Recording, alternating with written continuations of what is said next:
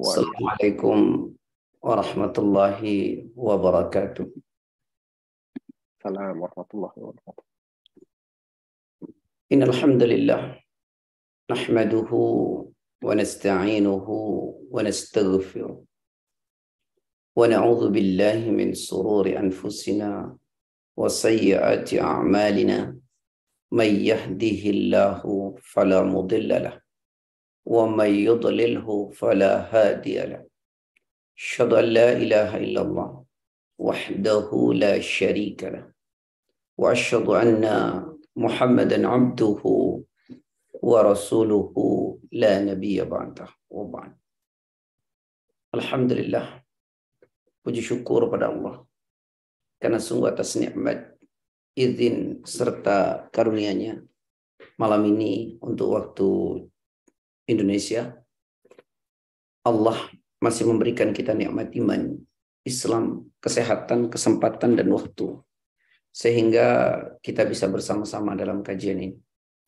Salawat dan salam semoga senantiasa tercurah pada Rasulullah SAW, pada keluarganya, sahabat-sahabatnya, pengikut-pengikutnya, dan tentu kita semua yang mengikutinya. Ikhwani wa ikhwati fillah, sahabat-sahabat eh, kajian paduka di mana pun berada.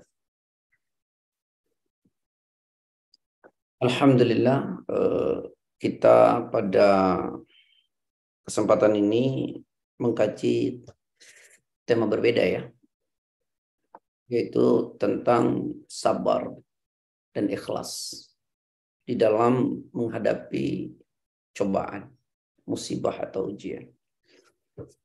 Teman-teman sekalian, sahabat-sahabat paduka, eh, sahabat-sahabat rumah dakwah yang Semoga Allah senantiasa merahmati. Hmm, dulu pernah saya sampaikan ujian yang menerpa manusia itu ada dua macam. Ada ujian yang menyenangkan, ada ujian yang tidak menyenangkan. Ini digambarkan di dalam Al-Quran pada surat yang ke-7 ayat 168. Allah berfirman begini. Di ujung ayat. وَبَلَوْنَاهُمْ بِالْحَسَنَاتِ وَالسَّيِّئَاتِ la'allahum yarji'un wa balawnahum dan kami uji mereka manusia. bil hasanat dengan yang baik-baik. Ya. wasayyiat dan yang jelek-jelek. la'allahum yarji'un agar mereka kembali. Jadi ujian yang Allah berikan kepada kita itu tidak selalu hal yang tidak enak. Ada kalanya ujian itu justru enak dan menyenangkan diri kita. Nah, ini ujian yang Allah berikan. Salah satu contoh misalnya eh, bahwa ujian itu sesuatu yang enak. Eh, misalnya dalam Al-Quran Allah bilang pada surat 64. Surat At-Taghabun ayat yang ke-14 sampai 15. Allah berfirman, Ya ayyuhalladzina amanu inna min azwajikum wa auladikum aduwwan lakum fahdharuhum. Wa in ta'fu wa tasfahu wa taghfiru fa innallaha ghafurur rahim. Innama amwalukum wa auladukum fitnah. Jadi ujian itu memang kadang-kadang ada yang enak ya sebagaimana Allah tadi sampaikan bahwa Sungguh di antara istri-istrimu, ini kan sesuatu yang kita harapkan sebelum atau suami. Dan anak-anakmu, ini juga sesuatu yang kita idamkan. Ada yang menjadi musuh bagimu. Jika kau maafkan mereka, kau berlapang dada kepada mereka, kau santuni mereka, Allah maha pengampun lagi maha penyayang. Bahkan pada ayat 15-nya itu Allah bilang sesungguhnya harta kalian dan anak-anak kalian adalah cobaan. Jadi saya hanya ingin memberi contoh bahwa jangan kita hanya menganggap bahwa ujian itu sesuatu yang nggak enak. Karena ujian itu ada juga yang enak. Justru kadang-kadang manusia mungkin lebih tidak kuat dengan ujian yang enak ya Mas Rasid ya. Afwan ya. Iya. iya. Betul ya. Karena ini juga Quran sih yang bilang. E, misalnya pada surat 41 ayat 51 Coba bantu dibaca. Allah bilang begini dalam ayat itu. Wa idza an'amna 'alal insani a'rada wa na'a bi janibi. Wa idza massahu syarru fadu du'ain arid. Monggo. Bismillahirrahmanirrahim. Uh, dan apabila kami berikan nikmat kepada manusia, dia berpaling dan menjauhkan diri dengan sombong. Tetapi apabila ditimpa malapetaka, maka dia banyak berdoa ternyata justru eh, cobaan yang tidak enak membawa kita mencari Allah gitu ya. Membawa kita mendekat kepada Allah. Bahkan apa ya, membuat kita menangis di sisi Allah. Tapi saat kita mendapat sesuatu yang enak ya, kenikmatan, malah kecenderungannya dua hal yang negatif. Apa itu? Yang pertama berpaling, yang kedua menjauh dengan sombong. Itu yang sering terjadi. Ketika kita punya segalanya, afwan ya, ini mungkin sindiran buat diri kita. Saat kita diberi segalanya oleh Allah, kita itu suka lari dari Allah, bahkan jauh. Kemudian ketika perubahan terjadi, uh, ujian, tidak enak, kita justru mencari Allah saya teringat ungkapan Syekhul Islam Imam Ibn Taimiyah. Beliau mengatakan begini, musibatun tukbilu biha ala Allah ya khairun laka min ni'matin tunsika dzikrallah. Jadi kata Syekhul Islam Imam Ibn Taimiyah itu mengatakan begini. Musibah yang membuat engkau kembali kepada Allah, itu lebih baik bagi dirimu daripada nikmat yang membuat engkau lupa kepada Allah. Ya, saya ulangi, musibah yang membuat engkau kembali kepada Allah itu jauh lebih baik buat dirimu daripada nikmat yang membuat engkau lari dari Allah. Ya, kadang kita dikasih nikmat oleh Allah, kita lupa tuh sama Allah saat segalanya kita miliki. Kemudian ketika sudah mulai berkurang, cobaan datang yang tidak enak, kita justru membuat apa diri kita kembali kepada Allah. Bahkan murid Imam Ibn Taimiyah yaitu Imam Ibn Qayyim al-Jauzi kata beliau begini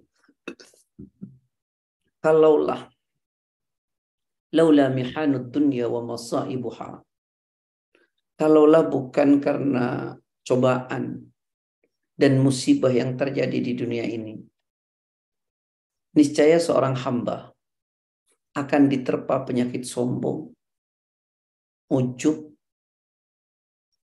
dolim, dan hatinya keras. Saya ulangi. Laula mihanud dunya wa masaibuha la asabal abdu bi adwa il kibri wal ujubi ya. Jadi kata Imam Ibnu Qayyim itu begini. Kalaulah bukan karena musibah dan cobaan yang menimpa seorang hamba, niscaya seorang hamba itu akan ditimpa penyakit sombong, ujub, dolim, dan hatinya keras. Orang tuh kalau hidupnya selalu nyaman, nikmat ya. Orang tuh kecenderungannya menjadi sombong ujub dolim dan hatinya keras. Tapi karena musibah karena cobaan orang merasa oh ternyata saya tidak ada apa-apanya. Sehingga ujub tuh hilang sombong itu hilang kemudian hatinya juga menjadi lebih lembut gitu. Nah, ini penting untuk dipahami. Sebelum kita bahas eh, apa namanya, gimana caranya agar kita sabar dan ikhlas. Taib eh, teman-teman sekalian, saya mungkin memaparkan nanti satu jam ini, baru kemudian tanya jawab. Eh, musibah itu, teman-teman sekalian, keadaan seseorang ketika ditimpa satu hal atau musibah keadaan seseorang ketika ditimpa satu musibah itu setidaknya ada empat macam. Ya, setidaknya. Saya ulangi. Seseorang ditimpa musibah. Itu keadaannya setidak-tidaknya ada empat macam. Yang pertama, orang tuh kalau ditimpa musibah suka marah. Ya, marah. Baik marah itu dengan apa namanya lisannya hatinya atau dengan uh, perbuatannya. Yang karena reaksi-reaksi itu membuat Allah murka. Gitu. Itu orang kalau ditimpa musibah, keadaan pertama itu marah dia. Ini yang paling jelek. Ya. Lisannya marah gitu ya.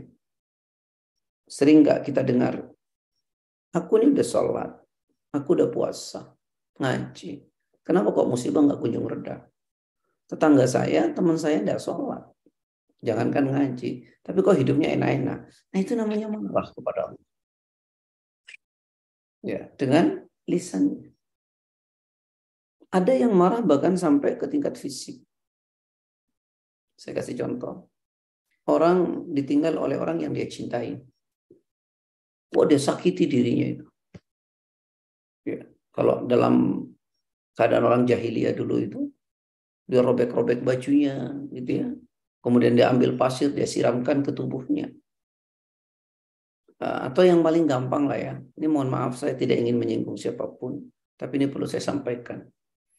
Misalnya cucu Nabi Husain wafat ya kan lalu kemudian orang tidak terima dengan wafatnya beliau seperti orang Syiah Syiah. Akhirnya dia apa? Dia bereaksi yang menimbulkan datang murkanya Allah. Dia sakiti dirinya. Nah itu kan marah. Marah terhadap cobaan. Nah mari coba kita renungkan sekarang. Kita marah nggak sih terhadap cobaan? Nah ini direnungkan secara mendalam. Gitu ya. Kemudian eh, yang kedua, orang itu ditimpa musibah sabar. Nah ini nanti caranya yang mau kita bahas ya. Sabar. Sabar itu bukan berarti orang langsung menerima. Ya, masalah saya dikasih cobaan misalnya oleh Allah. Langsung terima gitu. Bukan. Sabar itu apa ya?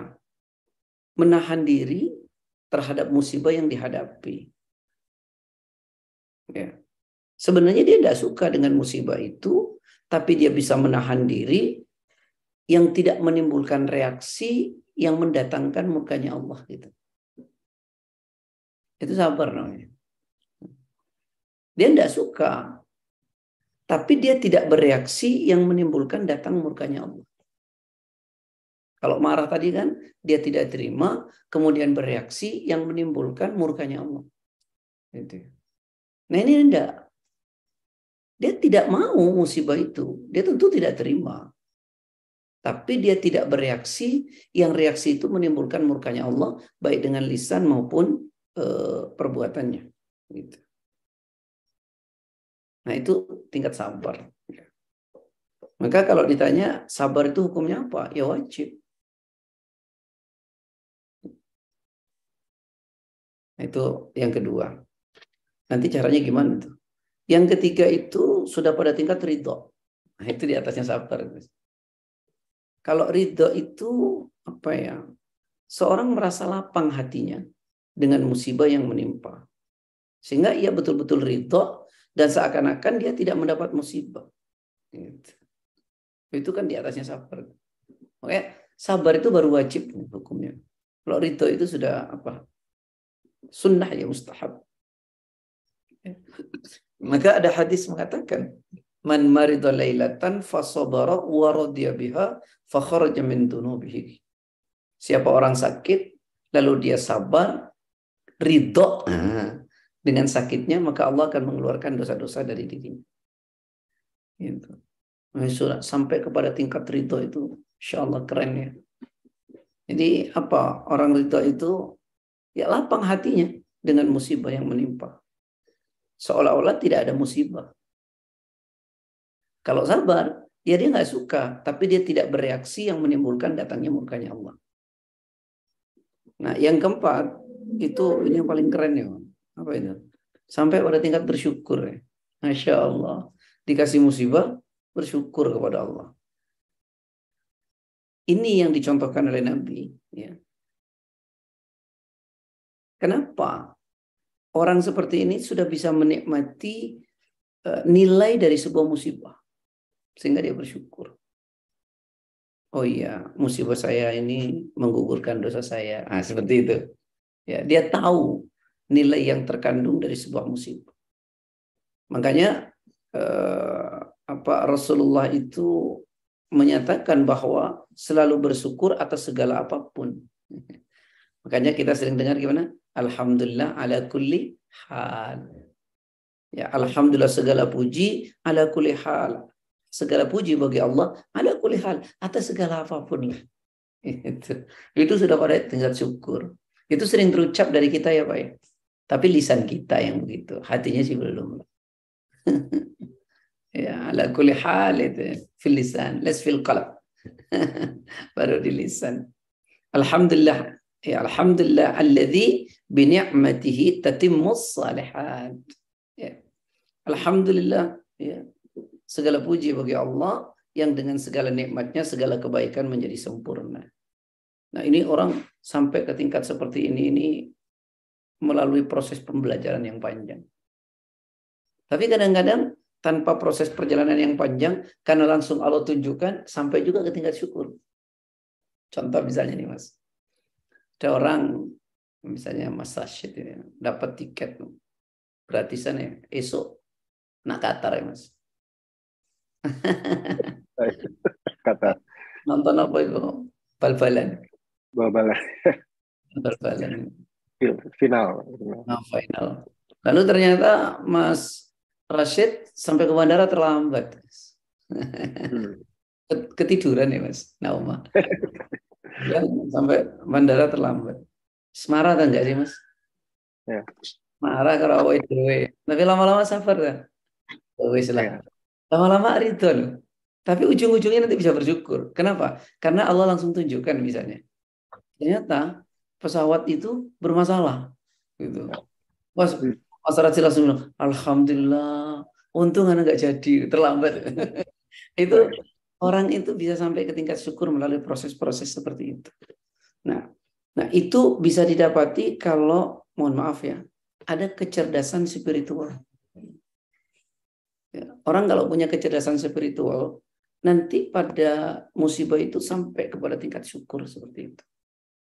Baik ya. Yang mau kita bahas yang kedua, bahwa eh, kita tidak menerima, ya artinya tidak suka dengan musibah itu, tapi kita tidak bereaksi yang menimbulkan murkanya Allah. Ya. Ini Eh, sebelum jauh bagaimana caranya kita bisa sabar dan ikhlas terhadap cobaan itu. Ada Rasulullah itu satu waktu marra bimra'atin tabki inda qabrin. Jadi Rasulullah jalan melewati seorang wanita yang sedang menangis di tepi kubur. Rupanya wanita ini anak laki-lakinya baru meninggal. Rasulullah dekati, Rasulullah berkata kepada wanita ini, Ittaqillah. Bertakwa kepada Allah ya Bu. Wasbiri, sabar ya Bu. Lalu wanita itu bilang begini, Ilaika anni, fa innaka lam tusab bi musibati. Pergi sana kamu. Kamu bicara begitu karena kamu tidak pernah ditimpa musibah seperti musibah yang sedang saya alami. Karena orang kayak gini nih ngerasa ya Pak ya, bahwa musibah hanya terjadi pada dirinya gitu. Betul. Lalu diberitahu oleh sahabat Anas. Bu, itu Rasul. Lalu ibu itu pergi ke rumah Rasul. Di rumah Rasul tidak didapati penjaga. Lalu dia berkata, ya Rasulullah aku tidak tahu kalau engkau. Rasulullah bilang apa? Inna sabra inda satmatil ula. Bu, sabar itu pada benturan pertamanya.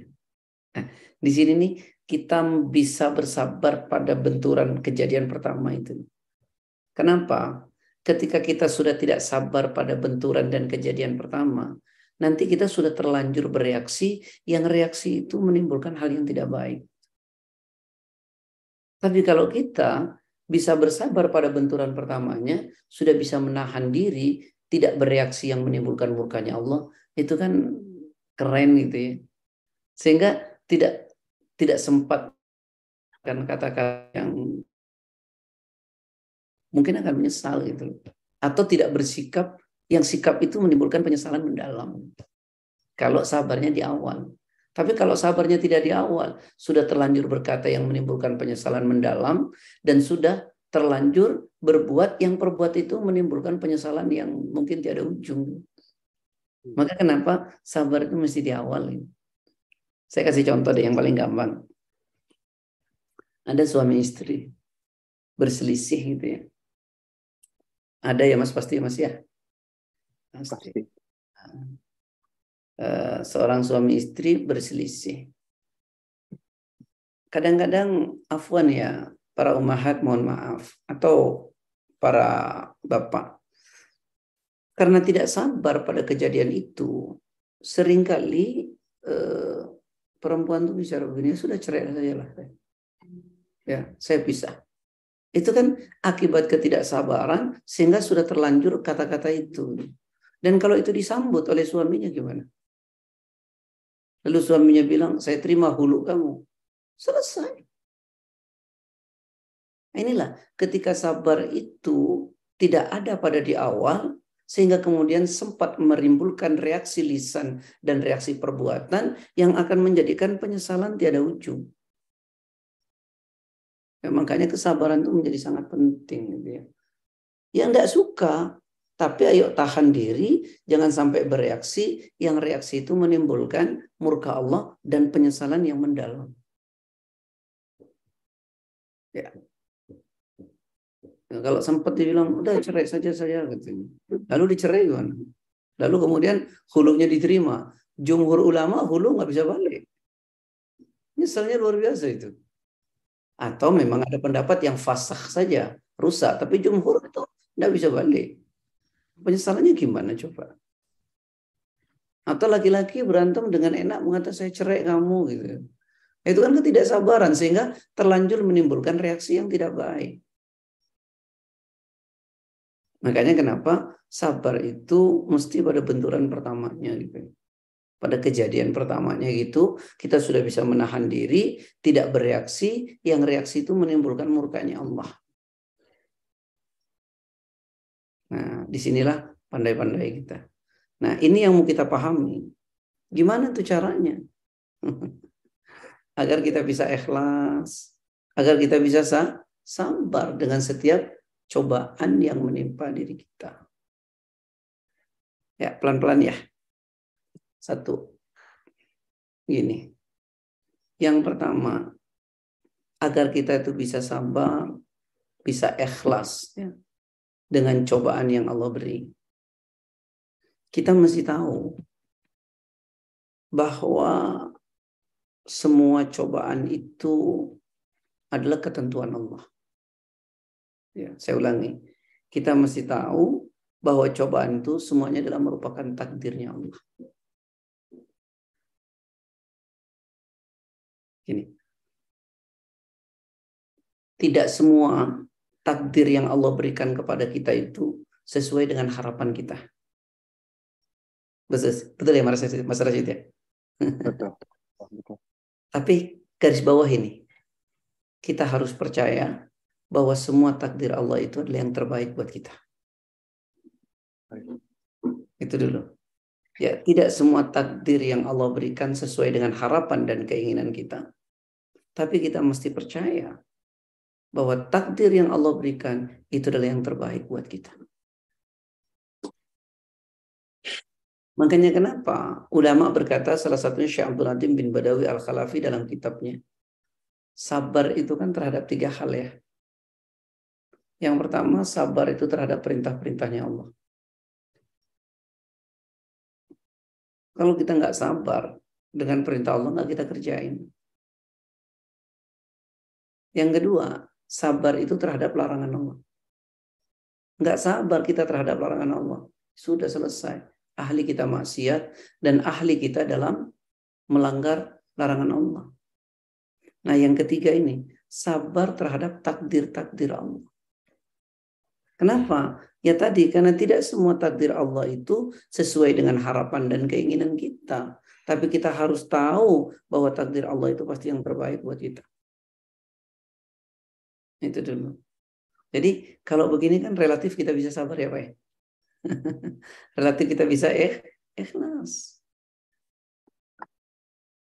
Karena nggak ada tuh sesuatu yang terjadi itu dengan sendirinya. Coba buka di Al-Quran. Surat Al-Hadid 57 ayat 22 sampai 23. Oh, ya 22 sampai 23. Bunyinya begini. Ma asaba min musibatin fil ardi wala fi anfusikum illa fi kitabim min qabli an nabra'aha inna dhalika 'ala Allah yasir. likai la ta'saw ala ma fatakum wa la tafrahu bima atakum wallahu la yuhibbu kulla mukhtalin fakhur. Monggo. Uh, setiap bencana yang menimpa di bumi dan yang menimpa dirimu sendiri, semuanya telah tertulis dalam kitab Lauh Mahfuz. Sebelum kami mewujudkannya, sungguh yang demikian itu mudah bagi Allah, agar kamu tidak bersedih hati terhadap apa yang luput dari kamu dan tidak pula terlalu gembira terhadap apa yang diberikannya kepadamu. Dan Allah tidak menyukai setiap orang yang sombong dan membanggakan diri. Tidak ada satu musibah, kata Allah, yang terjadi di muka bumi ini dan yang menimpa diri kalian. Kecuali seluruhnya itu sudah tercatat dalam kitab Allah di lauhil mahfuz sebelum diwujudkan. Sungguh yang demikian itu mudah. Ini dulu deh tanamkan pada diri kita. Oh iya, semua memang sudah ada ketentuannya. Bahkan Rasulullah mengatakan gimana? Inna Allah kataba maqadir al-khalaiki. Kataba Allahu maqadir al-khalaiki qabla an yakhluqa as-samawati wal ard bi khamsina alfa sanah. Allah telah menetapkan takdir seluruh makhluk 50 ribu tahun sebelum langit dan bumi diciptakan. Jadi 50 ribu tahun sebelum langit dan bumi diciptakan sudah ditentukan takdir itu. Ya. Jadi dengan demikian kita relatif lebih tenang, sabar dan ikhlas dengan memahami takdir ini. Maka kita dengan pemahaman takdir, ya, kalau kita ditimpa musibah, insya Allah kita tidak akan mencari kambing hitam gitu ya. Apa? Mencari menunjuk kesalahan kepada orang. Coba deh, orang terkena virus misalnya. HIV, apa namanya nih? COVID ya. COVID. Kalau dia tidak memahami takdir, akhirnya dia, oh gara-gara si Anu tadi saya tuh ketemu dia itu. Terus saja akhirnya suulan muncul, menyalahkan orang. Kan ini kan sangat berbahaya. Ya. Dan ternyata orang yang terkena penyakit menular, ketika dia tidak memahami takdir, maka dia tidak mendapat pahala syahid. Hmm. Orang itu terkena penyakit menular untuk mendapatkan pahala syahid itu kan syaratnya empat. Yang pertama wayam kusufi baladi, dia mengisolasi diri. Yang kedua sabiron dia sabar. Yang ketiga muhtasiban dia tetap berharap pahala dari Allah. Yang keempat, wa ya'lamu annahu la yusibuhu illa ma kataballahu bih. Dan dia mengetahui bahwa dia tidak ditimpa sesuatu itu kecuali apa yang telah Allah tetapkan. Berarti takdir ya. Nah, orang ketika kena penyakit menular dengan empat tadi itu, maka dia mendapat pahala seperti pahala orang meninggal syahid. Ya, taib. Jadi gini, orang itu kalau paham takdir, apa yang terjadi pada dirinya itu nggak gampang nyalahkan. Makanya kenapa pernah dengar hadis gini ya Mas Rashid ya? Pernah nggak dengar? Wa in asobaka syai'un fala taqul law anni fa'altu kana kadza wa kadza walakin kul qadarullah wa ma syaa fa'ala. Fa inna lau taftahu amal syaitan. Pernah dengar ya? Kalau engkau ditimpa satu cobaan, satu hal yang gak enak, jangan pernah bilang, coba gini, coba nggak gini, mungkin ini nggak kejadian, gitu Tapi katakanlah ini qadar Allah. Masya Allah dan Allah berkehendak dengan apa yang diinginkan. Karena fa'inna lau kata seandainya itu membuka peluang setan merusak diri kita, iman dan pikiran kita. Akhirnya kita jadi suudon, jadi was nggak karu-karuan. Gitu. Bener nggak sih kalau dengan memahami takdir itu relatif lebih tenang, lebih nyaman, lebih ikhlas, lebih sabar. Iya. Coba deh, kata kasih contoh. Eh, mohon maaf ya Mas Rashid ya. Biar kita aja yang jadi contoh ya Mas Rashid ya berdua aja nggak apa-apa yang jelek. Iya, Misalnya Mas Rashid jalan dengan istri satu mobil sampai di sebuah pertimpangan bisa ke kiri, bisa ke kanan. Dua-duanya bisa dipilih. Terus Mas Rashid bilang, kita lewat kiri aja. Kata istri, bagus lewat kanan. Gitu ya.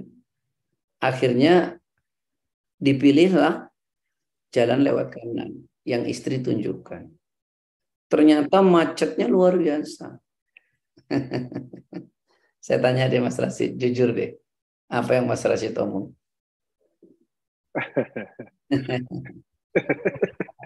Pasti tegur dulu pertama Ustaz. Kesel dulu.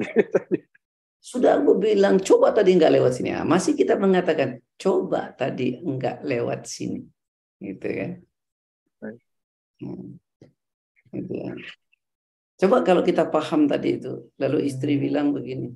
Aduh maaf ya, ternyata macet. Lalu Mas Rasid bilang, sudah. Allah tuh bilang, ini sudah qadarullah gitu kan jauh lebih nyaman kan lebih menerima lebih tenang kalau nggak nerima ya marah terus dan itu nggak selesai dan macetnya juga nggak kelar tuh betul ya. nah ini loh ternyata agar kita bisa sabar dan ikhlas yang pertama kita mesti memahami kalau semuanya itu ketentuan dari Allah takdirnya Allah okay. nikmat ya insya Allah nikmat. Kan apa pun tuh kalau diterima itu rasanya memang jauh lebih nikmat. Tapi kan itu gak gampang. Kadang-kadang kita sempat bereaksi yang reaksi itu menimbulkan murkanya Allah. Ya, ya begitulah. Kenapa Quran itu datang? Ya, Islam itu datang untuk memberi solusi pada setiap problema yang kita hadapi. Hanya saya bilang, guidance counselor terbaik itu Quran dan hadis. Kalau kita ada persoalan dia kembali deh sama Quran dan hadis, pasti akibatnya lebih baik. Ada solusi. Jangan dengan perasaan, jangan dengan pikiran. Kembali ke Quran dan hadis. Nah persoalan nanti orang tidak mampu menformulasi Quran dan hadis sehingga tidak terjawantahkan itu persoalan lain. Ya, gitu. Nah itu penting sekali. Makanya kenapa Quran itu suka bilang gini. Kalau terjadi perbedaan di antara kalian, cepat kembali kepada Quran dan hadis. Ya, kalau kamu beriman, yang demikian itu pasti lebih baik lo akibatnya. Allah udah kasih tahu, kalau mau menemui akibat yang baik, ya kembali deh sama Quran, kembali deh sama hadis. Jangan kita ini ada persoalan gitu ya, macam-macam persoalannya, kembalinya cuma nafsu, emosi, persoalannya nggak kelar, justru nambah persoalan baru. Gitu. Makanya kalau ada persoalan itu lebih banyak interaksinya kepada Allah. Yang pertama ya bangun, sholat, itu tahajud, ngomong deh sama Allah. Aduh. Maka solusinya mesti ada. Kenapa? Karena yang maha pemberi solusi itu kan Allah ya. Ya betul ya Mas Rasid ya. Nah, cuma orang-orang sekarang ini mohon maaf, ada persoalan lebih senang cerita sama orang. Nah, yang diceritain ini punya misi, selesai sudah. Ada masalah dengan suaminya atau dengan istrinya. Lalu cerita kepada orang lain. Mendatangkan masalah baru. Satu yang paling tidak, makin banyak kita cerita kepada manusia. Yang pertama, makin jauh pertolongan Allah. Karena Allah itu maha pencemburu. Yang kedua, kita makin cerita kepada manusia, maka kita sudah memenjarakan diri kita kepada orang itu. Karena orang itu jadi tahu aib kita. Bahkan menceritakan aib orang yang dekat dengannya. Makanya ngadu deh sama yang pintu-pintunya nggak pernah tertutup. Nangis deh sama yang maha pemberi solusi.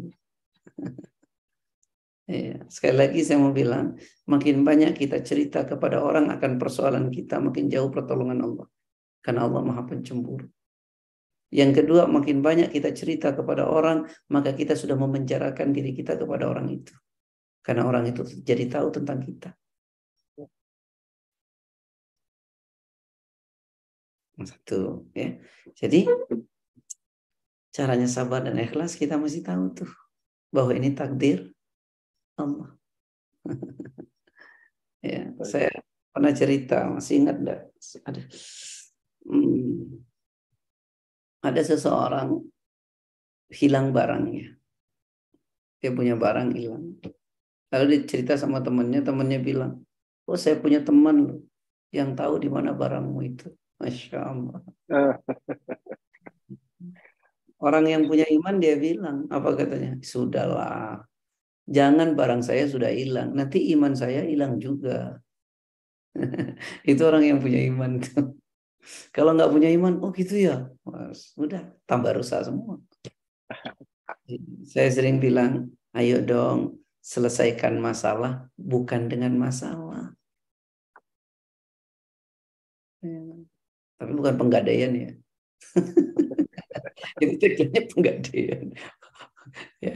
Jadi ini kadang-kadang menyelesaikan masalah dengan mendatangkan masalah baru. Ya, ya sudah sabar ya, sabar. Dengan memahami takdir Allah, maka insya Allah jauh lebih nikmat. Dan kita tidak akan terjadi penyesalan terus menerus.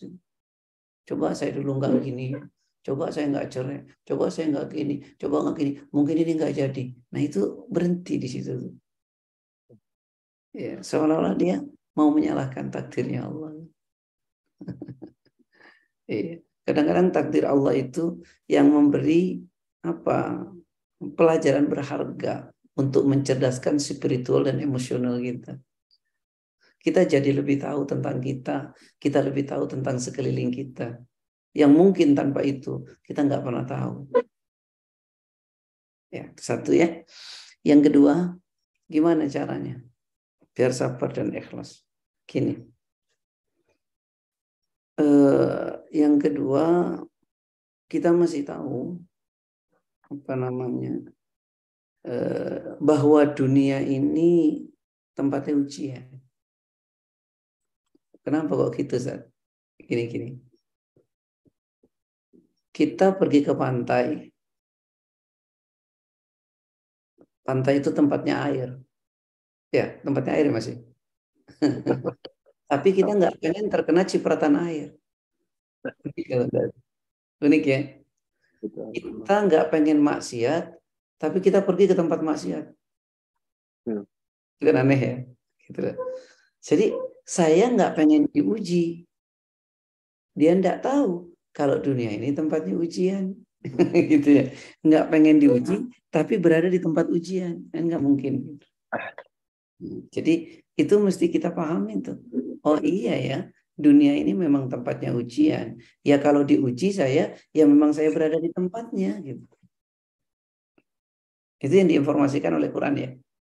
Surat apa? Surat Al-Muluk ya. Ayat 2.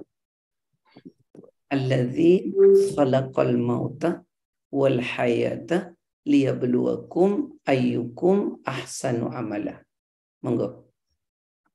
Uh, yang menciptakan mati dan hidup untuk menguji kamu siapa di antara kamu yang lebih baik amalnya dan dia maha perkasa maha pengampun. Nah. Alladzi khalaqal mauta wal hayata liyabluwakum ayyukum ahsanu amala. Dia Allah yang telah menciptakan mati, hidup. Ya kan gitu ya? Untuk apa? Untuk menguji kalian. Ya. Kalau kita sudah tahu, ya wes ya, emang dunia ini tempatnya ujian toh. Saya hidup ya di tempatnya itu. Kayak ginilah. Kita sekolah.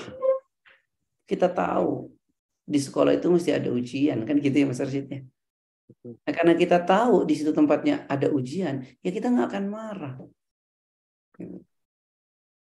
Kita sudah tahu ya sekolah saya pasti ada ujian. Ya kalau nggak mau diuji ya jangan sekolah. Ya hidup ini tempatnya ujian, nggak mau diuji jangan. Ya, kan sekolah bahaya tapi Ya, sekolah ada ujian, nggak mau diuji ya jangan sekolah. Hidup tempatnya ujian, nggak mau diuji ya jangan hidup. ya bahaya itu. Padahal mati lebih besar lagi ujiannya nanti. Gitu. Betul. Jadi ya sudah, memang dunia ini tempatnya ujian. Jadi saya sering bilang begini. Bukan lari dari ujian, tapi ngadepin ujian gitu. Ya. Bukan lari karena begini. Orang sering bilangan bahasanya gini.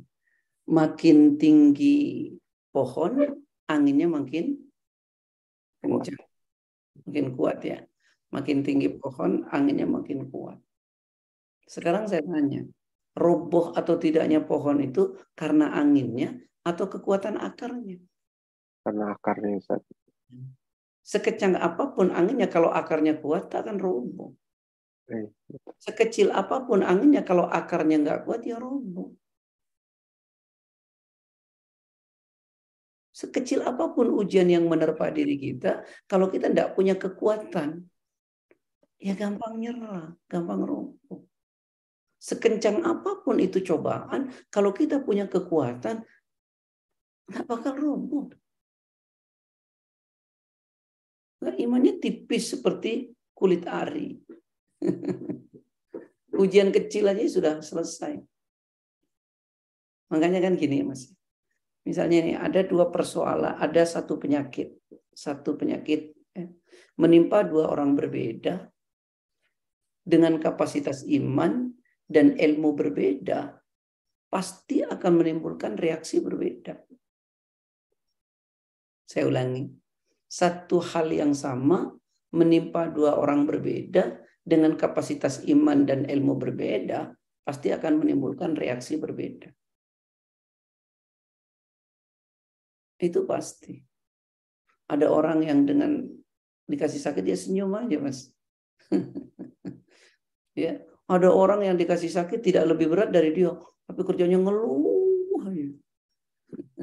Padahal saat kita sibuk ngeluh, lupa nanti caranya bersyukur ya. Ya, betul. Hmm. Kalau kita sibuk dengan bersyukur, nanti kita lupa tuh caranya ngeluh. Iya, jadi jangan ngedumel tong. saya ulangi, dunia ini memang tempatnya ujian. Jadi kalau kita diuji di dunia, ya wis memang tempatnya ya. Sehingga kita jauh lebih siap gitu. Jauh lebih siap karena kita memang tahu ini tempatnya. Dan kita mau menghindar dari ujian itu, kaiso. Karena dia akan ada selama kita ada. Saya ulangi, selama kita ada, ujian itu ada. Makanya kenapa ada hadis mengatakan gini. Uh, ada di Riyadus Salihin nomor 577. Ya, di ujung hadis itu hadisnya dari Ibnu Mas'ud. Perawinya Imam Bukhari. Di ujung itu ada hadis mengatakan begini. Wahadihil khutat as-sigharu al-a'rad. Fa in akhtau hadha nahasyaw hadha wa in akhtau hadha nahasyaw hadha. Rawahu Bukhari. Jadi kata Rasul memberi garis gambar tiga garis kecil gitu. Nabi mengatakan ini rintangan hidup nih. Kalau engkau lepas dari satu rintangan ini, maka engkau akan ketemu dengan rintangan yang ini. Kalau engkau kelar dengan rintangan ini, rintangan ini sudah nunggu gitu loh. Jadi ujian itu ya akan selalu ada. Hmm. Cuman jenis ya, yang berbeda. Gitu. Maka ketika jubah sabarnya lepas, ya hancurlah kita. Makanya jubah sabarnya dipakai terus.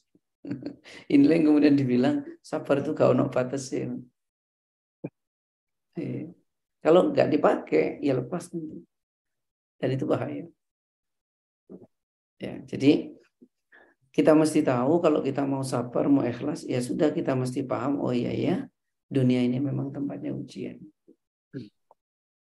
Sehingga kita jauh lebih siap.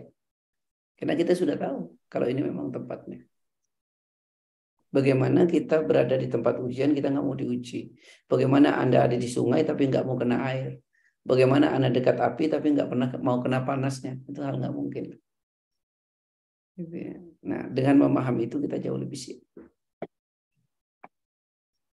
Kemudian yang ketiga, ya gimana caranya agar kita sabar dan ikhlas. Yang ketiga itu ini mungkin rada anu ya. Kita mesti ngerti hidup ini nggak lama. Yang abadi itu akhirat. Apa terkaitannya Ustaz? hidup ini nggak lama, ya, yang abadi itu akhirat. Apa kaitannya? Nih, ada kisah dituturkan oleh sahabat Atok bin Yasar. Nah, Atok bin Yasar beliau menuturkan berdialog dengan Ibnu Abbas. Kata Ibnu Abbas kepada Atta bin Yasar mengatakan, Ala urika imra'atun min ahli jannah. Hei Atta, kata Ibnu Abbas, mau nggak kamu ku beritahu tentang seorang wanita yang akan menjadi penghuni surga? Kultu bala. Kata Atta, iya saya pengen tahu. Lalu Ibnu Abbas mengatakan hiya imra'atun as-sauda. Dia ini wanita berkulit hitam. Loh, apa kaitannya? Ya tidak ada kaitannya. Cuman ya wanita ini kulit hitam. Atatin Nabi sallallahu alaihi wasallam, atatin Nabi sallallahu alaihi wasallam. Satu waktu wanita ini datang kepada Nabi. Faqalat. Wanita ini curhat kepada Nabi kata Ibnu Abbas. Curhatnya begini. Ini ya sesungguhnya aku ya Rasulullah imra'atun perempuan yang sedang mengidap penyakit epilepsi. Dan kalau penyakitku anfal, maka aku tidak sadar auratku itu terbuka. Masya Allah ya. Gimana nggak ahli surga ya Pak ya? Dalam ketidaksadarannya pun dia tidak pengen auratnya kelihatan. Orang sekarang dengan penuh kesadaran 200% malah memperlihatkan auratnya. Oh, Baik. Saya jadi pengen buka.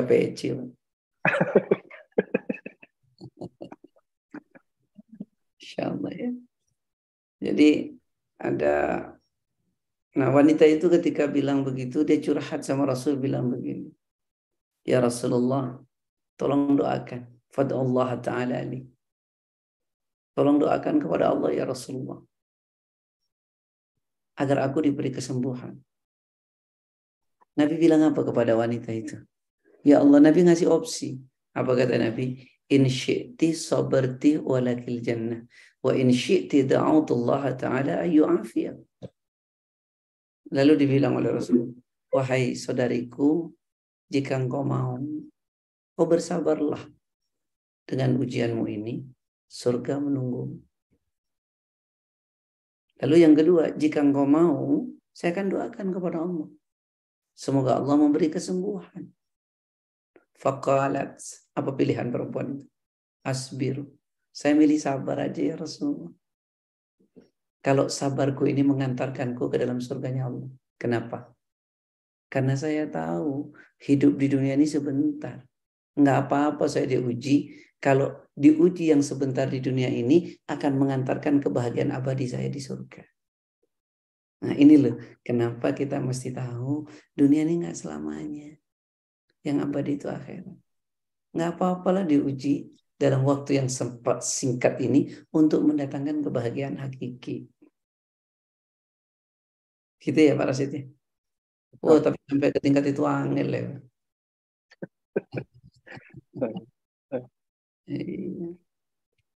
Ya, sekarang yang sedang saya rasakan, akhirat masih jauh Allah. Ya. Inilah kisah seorang wanita tadi. Walaupun wanita itu akhirnya dia minta sabar, tapi tetap minta sama Rasulullah. Tapi doa ini Rasulullah. Kalau anfal, menurutnya nggak kelihatan. Masya Allah. Dia tetap milih nggak pengen sembuh, nggak apa-apa kalau itu dirindukan surga. Tapi dia tetap nggak pengen auratnya kelihatan. Masya Allah ya. Lalu kita tiba-tiba pengen masuk surga seperti orang terdahulu. Oh jauh banget. Iya. Nah itulah ya. Jadi kita mesti paham dunia ini nggak lama. Yang lama itu akhirat. Sehingga dengan memahami ini, orang jauh relatif lebih menerima diuji di dunia untuk kelak ditukar dengan surga gitu. Misalnya Rasul mengatakan gimana? Idza aradallahu bi'abdihi khairan ajjala lahu al-uqubata fid dunya. Jika Allah menghendaki kebaikan pada seseorang, maka Allah segerakan cobaannya di dunia untuk mengantarkan dia pada kebahagiaan akhirat. Coba sekarang saya tanya Mas Rasid. Mau susah di dunia bahagia akhiratnya? Lebih baik begitu, susah di dunia bahagia akhirat. Pilihannya beda sama saya Mas Rasid. Dua-duanya enak. bahagia akhirat Mas Rasid. Gak dikasih pilihannya nih Ustaz tadi. Gak dikasih. Iya benar. Saya makanya bisa pilihan sendiri. Baik. Baik, ya. Jadi kita mesti tahu hidup kita nggak lama. Makanya kalau diuji di waktu yang singkat untuk menukarkan dengan kebahagiaan abadi ya kenapa enggak? Karena menjadi tidak berbanding dunia akhirat itu. Coba deh renungkan Quran surat 22 ya, ayat 47. Wa yasta'jilunaka bil 'adzabi wa la yukhlifallahu wa'dah. Inna yauman inda rabbika ka alfi sanatin mimma ta'udun. Enggak. Bismillahirrahmanirrahim. Eh, dan mereka dan mereka meminta kepadamu Muhammad agar azab itu disegerakan. Padahal Allah tidak menyalahi janjinya dan sesungguhnya sehari di sisi Tuhanmu adalah seperti seribu tahun menurut perhitunganmu. Jadi sehari di akhirat itu ya sama dengan seribu tahun dalam perhitunganmu di dunia. Jadi nek diuji di dunia yang sementara ini, ya kalau itu akan mengantarkan kita ke dalam surganya Allah, itu kenapa enggak? Ya. Nah ini yang kadang-kadang tidak ada pada diri kita, sehingga kesabaran itu tidak muncul. Kesabaran itu tidak muncul. Kesabaran itu tidak muncul. Nah, agar kesabaran itu muncul, ya kita mesti tahu dunia ini nggak lama, yang abadi akhirat. Ya di dunia yang sementara diuji nggak apa-apa. Kalau itu akan mengantarkan kita pada keabadian akhirat. Ada satu cerita uh, di masa Salahuddin Al-Ayyubi. Ada seorang ini menteri ini berburu ya dengan ya rombongan lah. Nah si menteri ini ngejar binatang. Lalu sehingga terpisah dari rombongan. Lalu dia merasakan haus yang sangat luar biasa.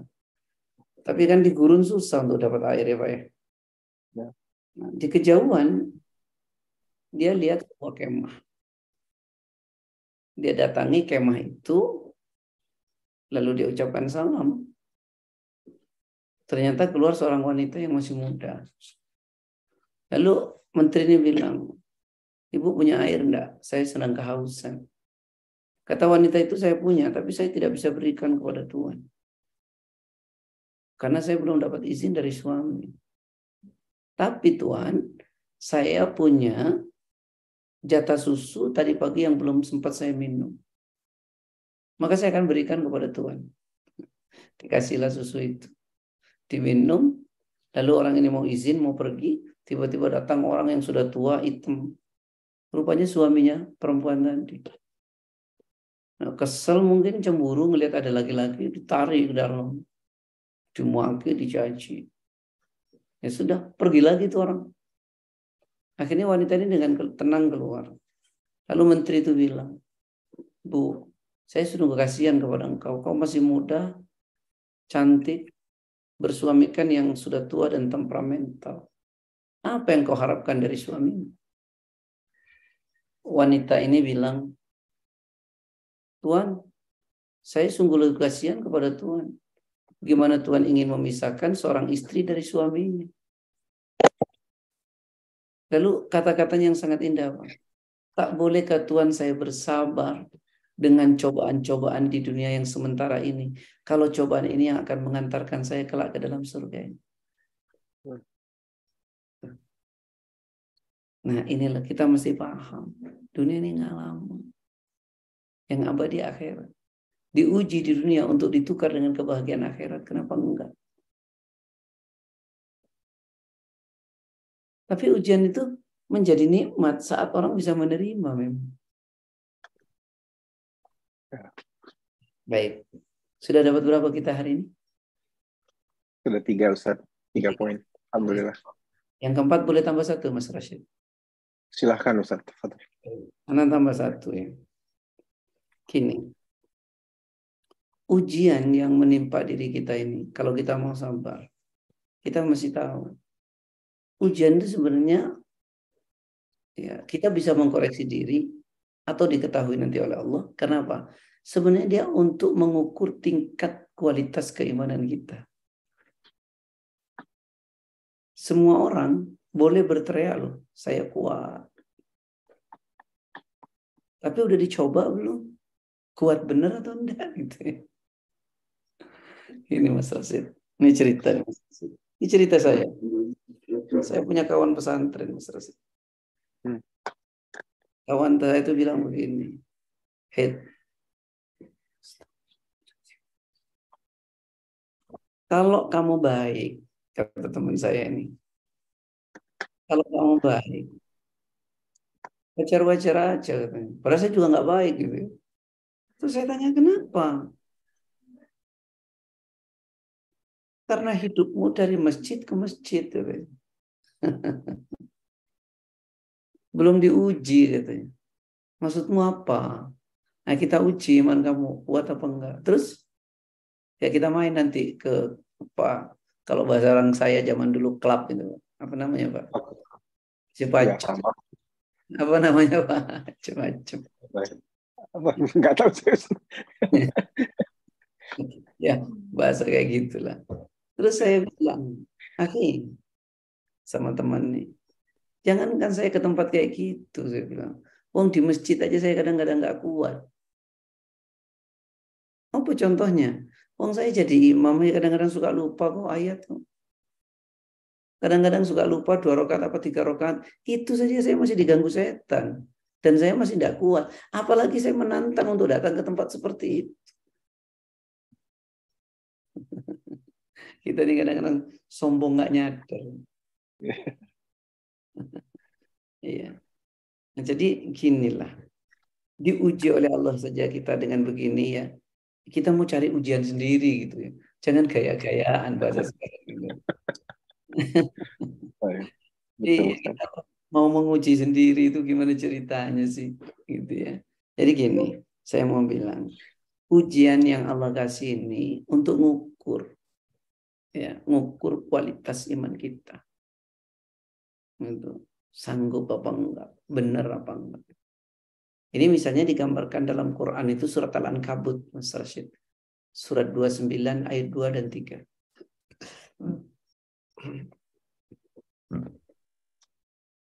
Ahasiban nas ayyutraku ayyakulu amanna wa hum la yuftanun.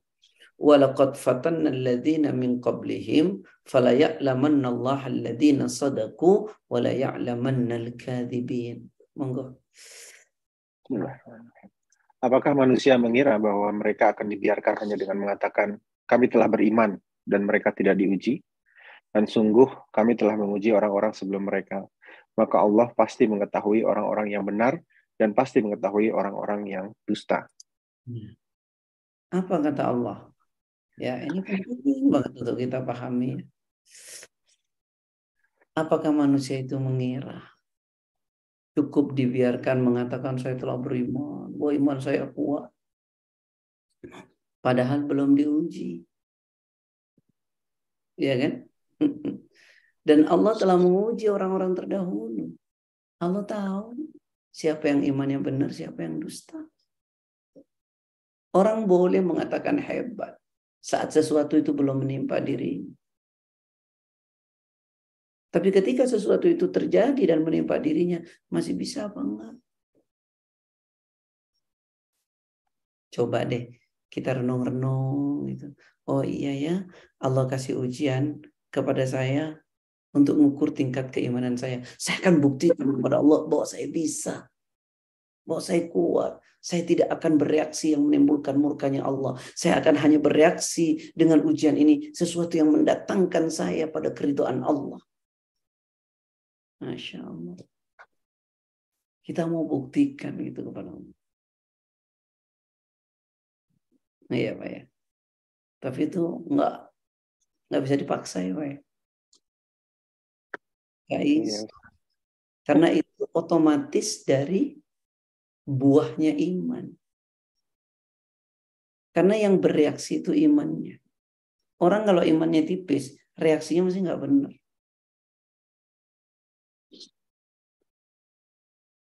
Makanya gimana kata Rasul di kitab Ridus Salihin hadis nomor 27 kalau nggak salah itu Mas Rashid. Oh. Dari Abi Yahya Suhaib ibni Sinan radhiyallahu anhu kan Kala Rasulullah SAW, ajaban li amril mu'min, inna amrahu kullahu lahu khair. وليس ذلك لأحد إلا للمؤمن إن أصابته سراء شكر فكان خيرا له وإن أصابته الضراء صبر فكان خيرا له Dia apa kata Rasulullah itu? Mengagumkan orang beriman itu. Hebat ya. Kenapa mengagumkan? Karena orang beriman itu selalu menganggap baik apa pun yang menimpa dirinya atau urusan apa pun yang terjadi pada dirinya. Itu orang beriman. Yang demikian itu nggak mungkin terjadi kecuali pada orang yang beriman dengan benar. Karena itu reaksi otomatis. Jadi nggak bisa dipaksa.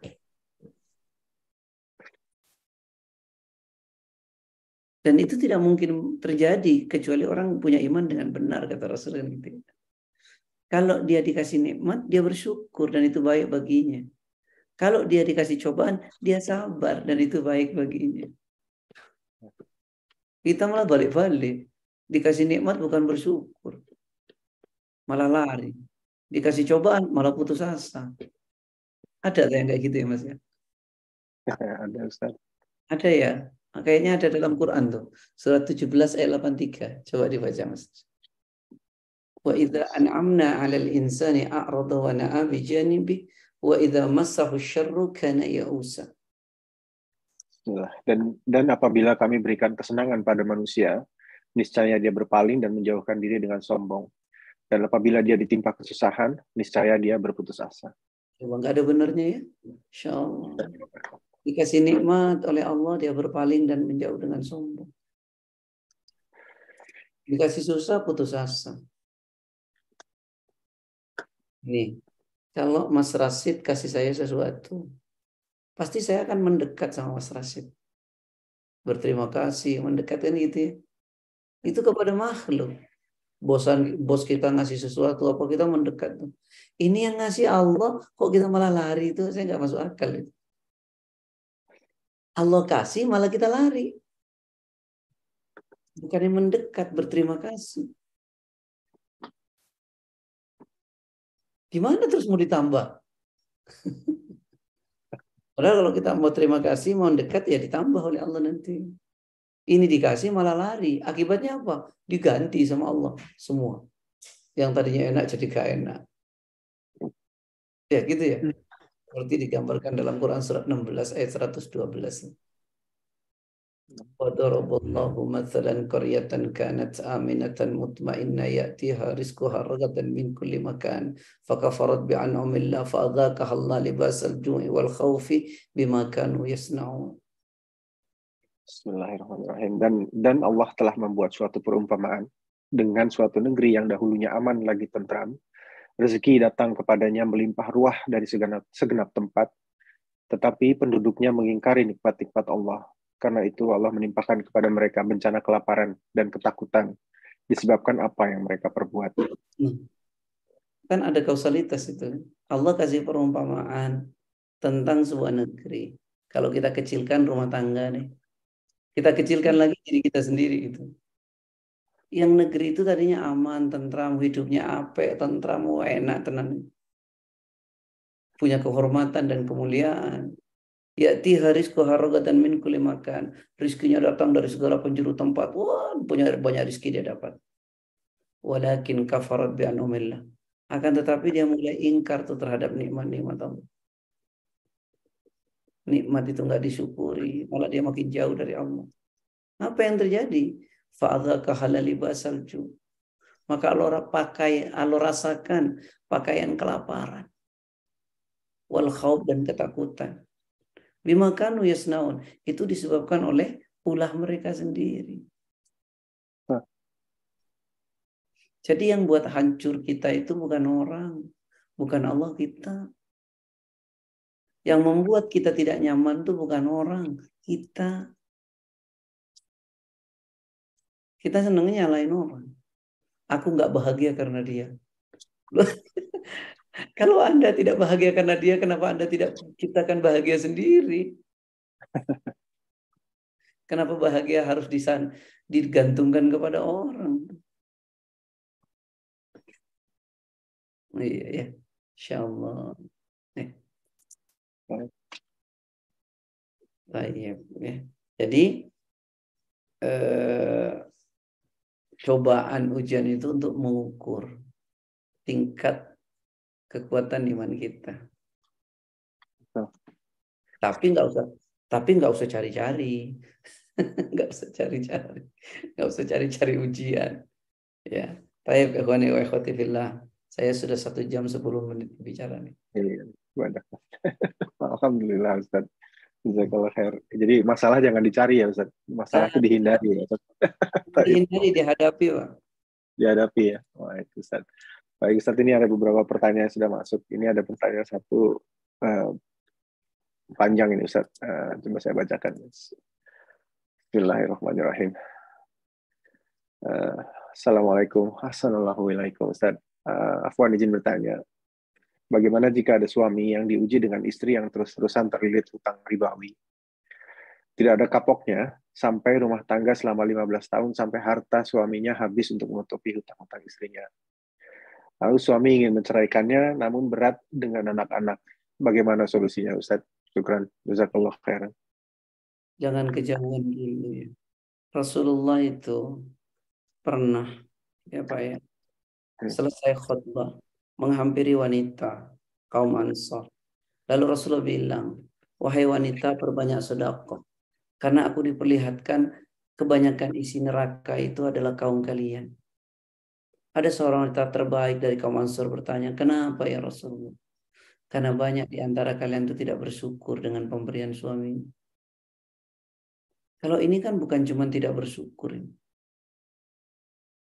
Nyusahkan suaminya. Nah satu, kita mesti paham. Riba itu yang paling kecil dosanya sama dengan memperkosa ibu kandung. Dan kita mesti tahu, wahai suami, saat istri mengkonsumsi riba, itu akan membentuk dalam hatinya, dan hatinya itu terbentuk, akhirnya semuanya akan jadi jelek. Tahu enggak? Kenapa orang itu berbuat dosa? Sebabnya cuma dua. Satu syahwat, dua subhat. Nah syubhat itu masuk ke dalam diri manusia, manusia tidak punya energi, tidak punya eh, apa namanya kebaikan itu tidak punya magnet. Nah begitu ketika orang hatinya kotor dengan makanan riba, dia tidak punya magnet terhadap kebaikan. Magnetnya kepada keburukan. Gitu. Ya, apa yang mau diharapkan? Antum bilang, kasihan anak-anak. Itu justru antum merusak anak antum. Karena anak antum mungkin nanti dikasih riba juga sama istri antum. Selamatkan anak antum. Afwan ya para ummahat. Ya, anak senang menyelesaikan persoalan. Tapi kalau istri sudah zina, riba, khamar, nggak ada alasan. Nggak ada alasan. Selesaikan ya ikhwan. Kasihi diri antum. Kasihi anak antum. Karena itu rusak semuanya. Zina merusak keluarga. Riba merusak segala-galanya. Apalagi sudah jadi penyakit. Ribu utang biasa saja. Kata Rasulullah, siapa orang meninggal lalu terlepas dari tiga hal, maka dia dapat surga. Dia tidak sombong, dia tidak pengkhianat, dan dia tidak terlilit hutang. Itu hutang yang tidak riba. Rasulullah SAW didatangkan seorang, ya Rasulullah, tolong salati keluarga aku ditanya oleh Rasulullah, punya utang atau tidak? Tidak, disolati Rasulullah jadi imam. Didatangkan lagi, ditanya punya utang atau tidak? Punya, ada aset untuk bayar? Ada, Rasulullah nyolati. Yang ketiga, didatangkan orang, dia punya utang atau tidak? Iya, ada bayar untuk bayar? Tidak ada. Kata Rasulullah, salati saudara kalian, dan Rasulullah tidak menyolati ini. Iya, apa? Wahai para istri, jika dituruti, nggak ada. Nggak ada cukupnya. Apa yang diberikan oleh suami, terimalah. Insya Allah berkah. Ya. Nggak ada cukupnya, utang sana, utang sini. Kemauan itu dituruti nggak pernah ada habisnya. La yamlau jafum adama illa turab. Takkan pernah habis keinginan manusia tentang dunia. Sampai dagingnya dimakan cacing-cacing tanah. Maka lihatlah ke bawah. Kita akan selalu merasa besar apa yang Allah kasih. Saat kita melihat ke atas, maka kita akan menyepelekan dan merasa kecil apa yang telah Allah kasih. Akibatnya membuat kita tidak pandai bersyukur. Gitu ya. Solusinya menurut anak kalau sudah begini, kalau anak ya, ini hukum. Selesai. Karena yang buat rusak anak antum rusak. Anak antum rusak. Dan kalau antum disiapkan makan oleh dia, yang dia hutang riba itu, Masuk pula ke dalam perut kita. Tahu tidak kata Rasulullah? Ala inna fil jasadi mudgha idza salahat salahal jasadu kullu wa idza fasadat fasadal jasadu kullu ala wahyal qalb. Tahukah kalian dalam tubuh kalian ada segumpal daging. Segumpal daging itu baik karena dijaga dari makanan haram. Baik seluruh tubuhnya, pikirannya, perasaannya, sikapnya. Tapi segumpal daging itu rusak karena makanan haram. Apalagi riba. Maka kemudian rusak seluruh tubuhnya, pikirannya rusak perasaannya rusak, sikapnya rusak. Ada orang yang dalam perjalanan jauh, umel dia, doanya mesti diterima, dia angkat tangannya, dia berdoa kepada Allah. Bagaimana doanya mau diterima? Yang dimakan haram, pakaiannya haram, kendaraannya haram. Justru ketika antum membiarkan, antum sedang tidak menyayangi diri antum sendiri dan menyayangi keluarga antum. Afwan. Anda agak tegas pada persoalan seperti ini. Wallahu a'lam. Alhamdulillah. Semoga jelas untuk penanya. Baik, uh, saya lanjutkan Ustaz. Ini ada pertanyaan berikutnya singkat ini Ustaz. Bismillah. Ustaz, uh, dulu pernah tidak sabar dengan cobaan yang menimpa karena kaget dan belum uh, belajar ya, belum berilmu. Sekarang menyesal dan takut akan murkanya Allah. Bagaimana Ustaz? Apakah dengan banyak beristighfar Allah mengampuni? Wahai saudaraku yang saya cintai karena Allah. Orang baik bukan orang yang tidak pernah salah. Orang baik bukan orang yang tidak pernah berdosa. Tapi orang baik itu orang yang sadar kalau dia pernah salah dan pernah berdosa. Nabi Adam pernah salah menangis Rabbana anfusana. Nabi Yunus bersalah menangis la ilaha illa anta subhanaka inni kuntu minadh Yang nggak baik itu terus-menerus melakukan kesalahan. Ya. Murka Allah, eh cinta dan sayangnya Allah, saudaraku, mendahului murkanya. Saya ulangi ya, cinta dan sayangnya Allah mendahului murkanya. Apa jaminannya? Antum buka Quran surat 39 ayat 53. Surat 39 ayat 53. Qul ya ibadiyalladzina asrafu ala anfusihim la taqnatu min rahmatillah innallaha yaghfiru dhunuba jami'a innahu huwal ghafurur rahim. Monggo Mas Rashid. Bismillahirrahmanirrahim. Katakanlah, wahai hamba-hambaku, yang melampaui batas terhadap diri mereka sendiri, janganlah kamu berputus asa dari rahmat Allah. Sesungguhnya Allah Maha mengampuni dosa-dosa semua. Sungguh dialah yang maha pengampun dan maha penyayang. Cinta dan sayangnya Allah itu tidak terbatas. Katakanlah dosa kita seluas samudra. Ampunan Allah jauh lebih luas. Jauh lebih luas. Satu waktu sahabat Umar bin Khattab pernah menuturkan didatangkan kepada Rasulullah tawanan perang. Banyak sekali. Salah satu dari tawanan itu ada seorang wanita. Yang wanita ini rupanya bertemu dengan anaknya yang masih kecil. Sehingga anak itu dipeluk, dicium, dirangkul. Saat Rasulullah menyaksikan itu, Rasulullah berkata kepada sahabatnya, Wahai sahabat-sahabatku, mungkinkah ibu itu akan melemparkan anaknya ke dalam api? Sahabat mengatakan, Demi Allah ya Rasulullah tidak mungkin. Karena ibu cinta betul sama anaknya. Apa kata Rasul? Cinta dan sayang Allah kepada hambanya melebihi cinta dan sayang ibu itu kepada anaknya. Anda bacakan hadis Qudsi.